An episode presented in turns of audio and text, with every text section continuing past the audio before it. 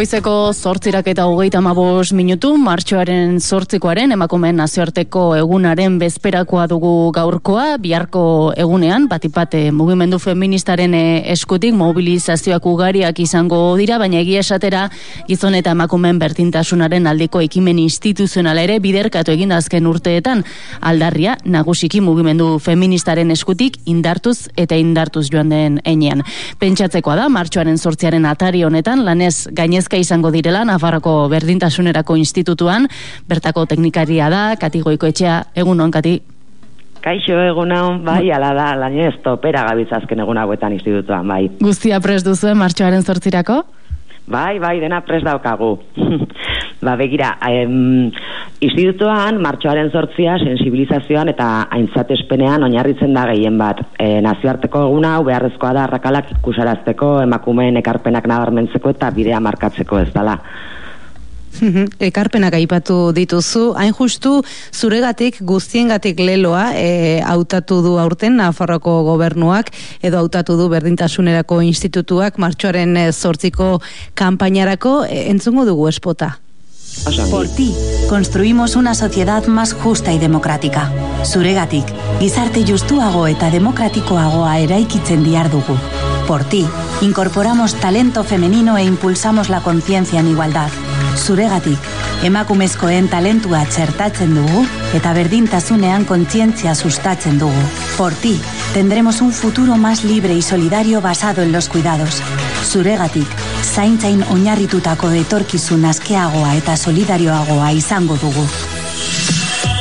Por ti, por todas. Zuregatik. Guztien. Beno, hainbat eh, gako jada, entzun ditugu espotonetan, e, zuregatik, guztiengatik, e, zer esan nahi du lelo honek, aurtengo leloak? Ba, begira, e, zuregatik guztiengatik emakume guztiak aintzatespen duen leloa da, ez da, modu honetan eskerrak eman nahi zaizkie emakume guztiei, ba, beraiei esker berdintasun formala jasotzen dugun, jasotzen duen araudia daukagu, eta e, benetako berdintasunera gerturatzen gaituzten baliabidekin, ez da. Aurrera egin dugu azken urteotan, bai, eta horre, oiei eskerrak emateko hiru kartel ezberdin egin dira. E, lehenbizikoan, e, adinezko emakumea ikusten dugu, gaur egun ditugun legeak e, lortzeko lanean aritu ziren emakumeak irudikatzen dituena, berdintasuna agenda politikoaren lehentasunezko lekuan jarri zutenak. Beste batean, migratutako emakume ertaina agertzen da, gure gizartearen emakumeen anistasuna aldarrikatzeko. Gaur bere talentua e, gizartearen esanetara jartzen duten emakumeak irudikatzen ditu erakundeetan, enpresetan, zientzian, kulturan, kiroletan, duela urte batzuk arte ezin izan zuten, egon hor. Esparro askotan erreferenteak sortzen ari dira, eta gainera berdintasunaren kontzientzia zabaltzen dute ere, beraien eguneroko erlazioetan, ez da. Eta azkenik aurra e, ikusten dugu etorkizunean nolakoak izan nahi dugun irudikatzen duena. Zaintzak lehen esten dituen gizarte batean hasiko dien emakume emakumeen irudia da, ez da. Mm. emakume askoren ekarpena funtsezkoa izan da beraz, e, helburua hortxe dugu berdintasuna. Uste duzue, e, institutik pausu garrantzitsuak eman direla azken urteetan berdintasuna helburu izan da? Dudari gabe, bai, bai noski e, legeek eskubideak bermatzen dituzte eta hau garrantzizkoa da sozialki akordioak lortu direla esan nahi duelako. Legeak dira azkenean ekintza sozial eta profesionalen esparrua eta honen arira azmarratuko nituzke hiru lege berri.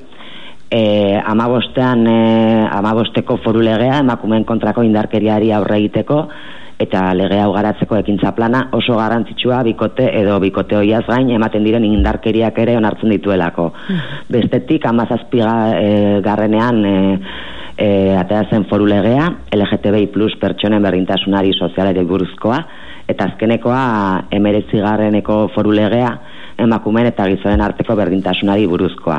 Berdintasunaren inguruko egitura gero eta finkatuagoa dago. Zerbitzu gehiago ditugu, eskubide gehiago onartuak eta bestalde batetik mugimendu feminista eta emakume elkarteek ere ezinbesteko lana egiten ari dira berdintasunaren bidean atzera pausurik ez egoteko. Eta bueno, garrantzitsua da ulertzea ez dela gauza berdina, berdintasun formala eta benetakoa legeek ageriko diskriminazioak ekiditu baituzte ere, oraindik beharrezkoa da kultura eta gizarte oztopoak entzea. bai. Beraz, urrengo galderari kasi erantzun diozu nolabait, gelditzen dira oraindik e, pausuak emateko badago oraindik zer egin, ez da? Bai, bai, bai, arrakala asko daude. Naiz eta Nafarroa den e, emakumen lorpenen indizerik altuena duen estatuko eskualdea, Europa mailan berdintasun maila altuenetakoa duena, Europar Komisioaren arabera, oraindik ere genero arrakalak daude asko gainera. Herritarren erdiek baino asko e, baino gehiago gainditu beharreko arrakalak adibidez indarkeria, estereotipoak, zaintzetarako erantzunkizun eza, emakumeen parte hartzea hainbat esparruetan, ez dakit enpleguetan, soldatetan dauden arrakalak, bueno, asko daude indik handitzeko. Da gizarte eraldaketa bat beharrezkoa da, ez da. Beno, horretan lanean jende asko gaude. Ne, Nafarroko Estatistika Institutuko datuen arabera, Nafarroan benetako berdintasuna lortzeko irurogeita zazpi urte inguru pasa behar dira oraindik, hau da, mm -hmm. 2000 eta larogeita margarrenean, gutxi gora bera lortuko dugu berdintasunezko gizartea. Baia guztion artean abiadura handitzeko gai garen, ez da? Noski baietz, eta bide horretan, e, zuek egiten duzuen lana ere ekarpena, injustu, Nafarrako berdintasunerako institutuan, une honetan e, zeintzu dira lanildo nagusiak? Ba, esan dezakegu lau ardatz nagusi daudela e, politika publikoak, indarkeria, berdintasuna eta zainketak. Lehenengo ari buruz, politika publikoari buruz, ba, ba, berdintasunezko forulegeak zeharkakotasuna arautu zuen. Eta zer da hori? Ba, genero ikuspegia plan, proiektu, politika guztietan aplikatzea. Eta horrek zes nahi du? ba, Nafarroko gobernuak eta administrazio publikoek bultzatzen dituzten politika guztiek kontutan hartu behar dutela emakumei nola eragiten dien eta ia arrakalak mur, murrizten laguntzen duten. Eta horrela ez bada, ba, neurri zuzentzaileak aplikatu. Eta ze mekanismo daude horretarako, ba, genero itxpeia daukaten aurre kontuak, kontratazio publikoak, berdintasunez, berdintasunerako unitateak, ikerketak, komunikazio sexista, bueno, mekanismo asko daude. Bigarren ardatza nagusia indarkeria litzake, da beno, hemen azmarratzea errekurtso gehiago daudela, arreta gehiago egiten direla, indarkeri bereziei arreta berezia eskaintzen zaiela, e, indarkeri berezia hauek mm, nahi dut prostituzioa, emakumen salerosketa eta emakumen mutilazio genitala. Eta bueno, aurten ere mustuko den sexu indarkeriei arreta integrala emateko zentrua, urtea maierako espero dena. Gero, e, irugarren ardatza berdintasuna litzake, da hemen ba, profile ezberdinei zuzenduriko programak daude, nun gai ezberdinak jorratzen diren, adibidez alduntzea, partizipazioa, enpreseia alkularitza, emakume elkartekin elkarlana, berdintasunezko maskulinitateak, bueno, jardunaldi ezberdinak, kampaina ezberdinak, Eta azkeneko atala, ba, zainketak liatek ez da. Institutotik zainketen filosofia intzendari bat bultzatzen ari da, Nafarroko zainketen aldeko itunetan gauzatzen dena. 2000 eta bostean, konziliazioaren aldeko tokiko itunak sustatu zirenetik gaur egunera egoera aldatu eginda. Da, beharrezkoa da konziliazioa eta erantzunkidetasuna, baino aratago iristea ez da. Pandemia kargi utzi zuen, oraindik zainketa lanen banaketa ez dela inolaz ere ekitatiboa. Emakumeek jarraitzen dugula gehienetan ardura hori izaten eta augure bizitza pertsonalean, familia bizitzan eta lan bizitzan eragiten du. Horregatik konziliazioaren itunaiek eguneratu dira. Programa honek bi atal ditu alde batetik fori ditunak, nun Nafar gobernuko amaika zuzendaritza nagusi hartzen duten parte, eta hauekin batera e, Nafarroako hainbat erakundeek ere, oita sortzi. Eta bestaletik tokitunak daude, e, aurten oita bostu dal eta man komunitateek e, sinatuko dituztenak, bai. Mm Itun hauen azken helburua zein da? Ba, gizartearen antolaketan, ekonomian eta politikan, zainketak merezi duten garrantzia aintzat hartzea, balore aldaketa bat sustatzea azken finean, bai. Beno, zaintza hortxe dugu erdigunean, eh? berdintasunari dagokionean, oh. mugimendu feministak ere hortxe jarri du oh, fokua urten.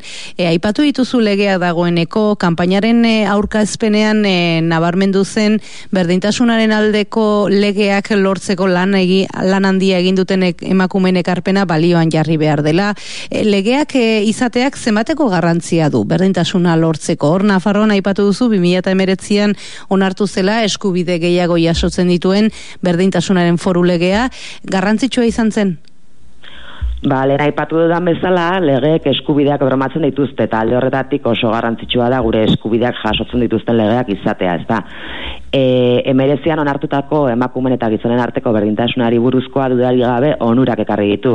Emakumen posizio, posizio soziala, ekonomikoa eta politikoa indartzen duen balio aldaketa bultzatzeko, autonomia handiagoa lortzeko eta berdintasunerako eskubidea bizitzako esparru eta etapa guztietan, e, eraginkorra izatea eragozten duten oztopoak ezabatzeko.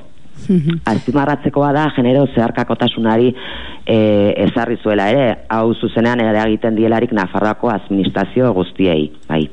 Horre, 2008-2008 zazpi aldirako alaber, berdintasunerako plan estrategikoa onartu da lege aldi honetan, e, zer zehaztu da bertan? Ba, plan estrategikoak lehentasunak markatzen ditu, hau da, nun dauden ezberdintasuna handienak eta nola murriztu.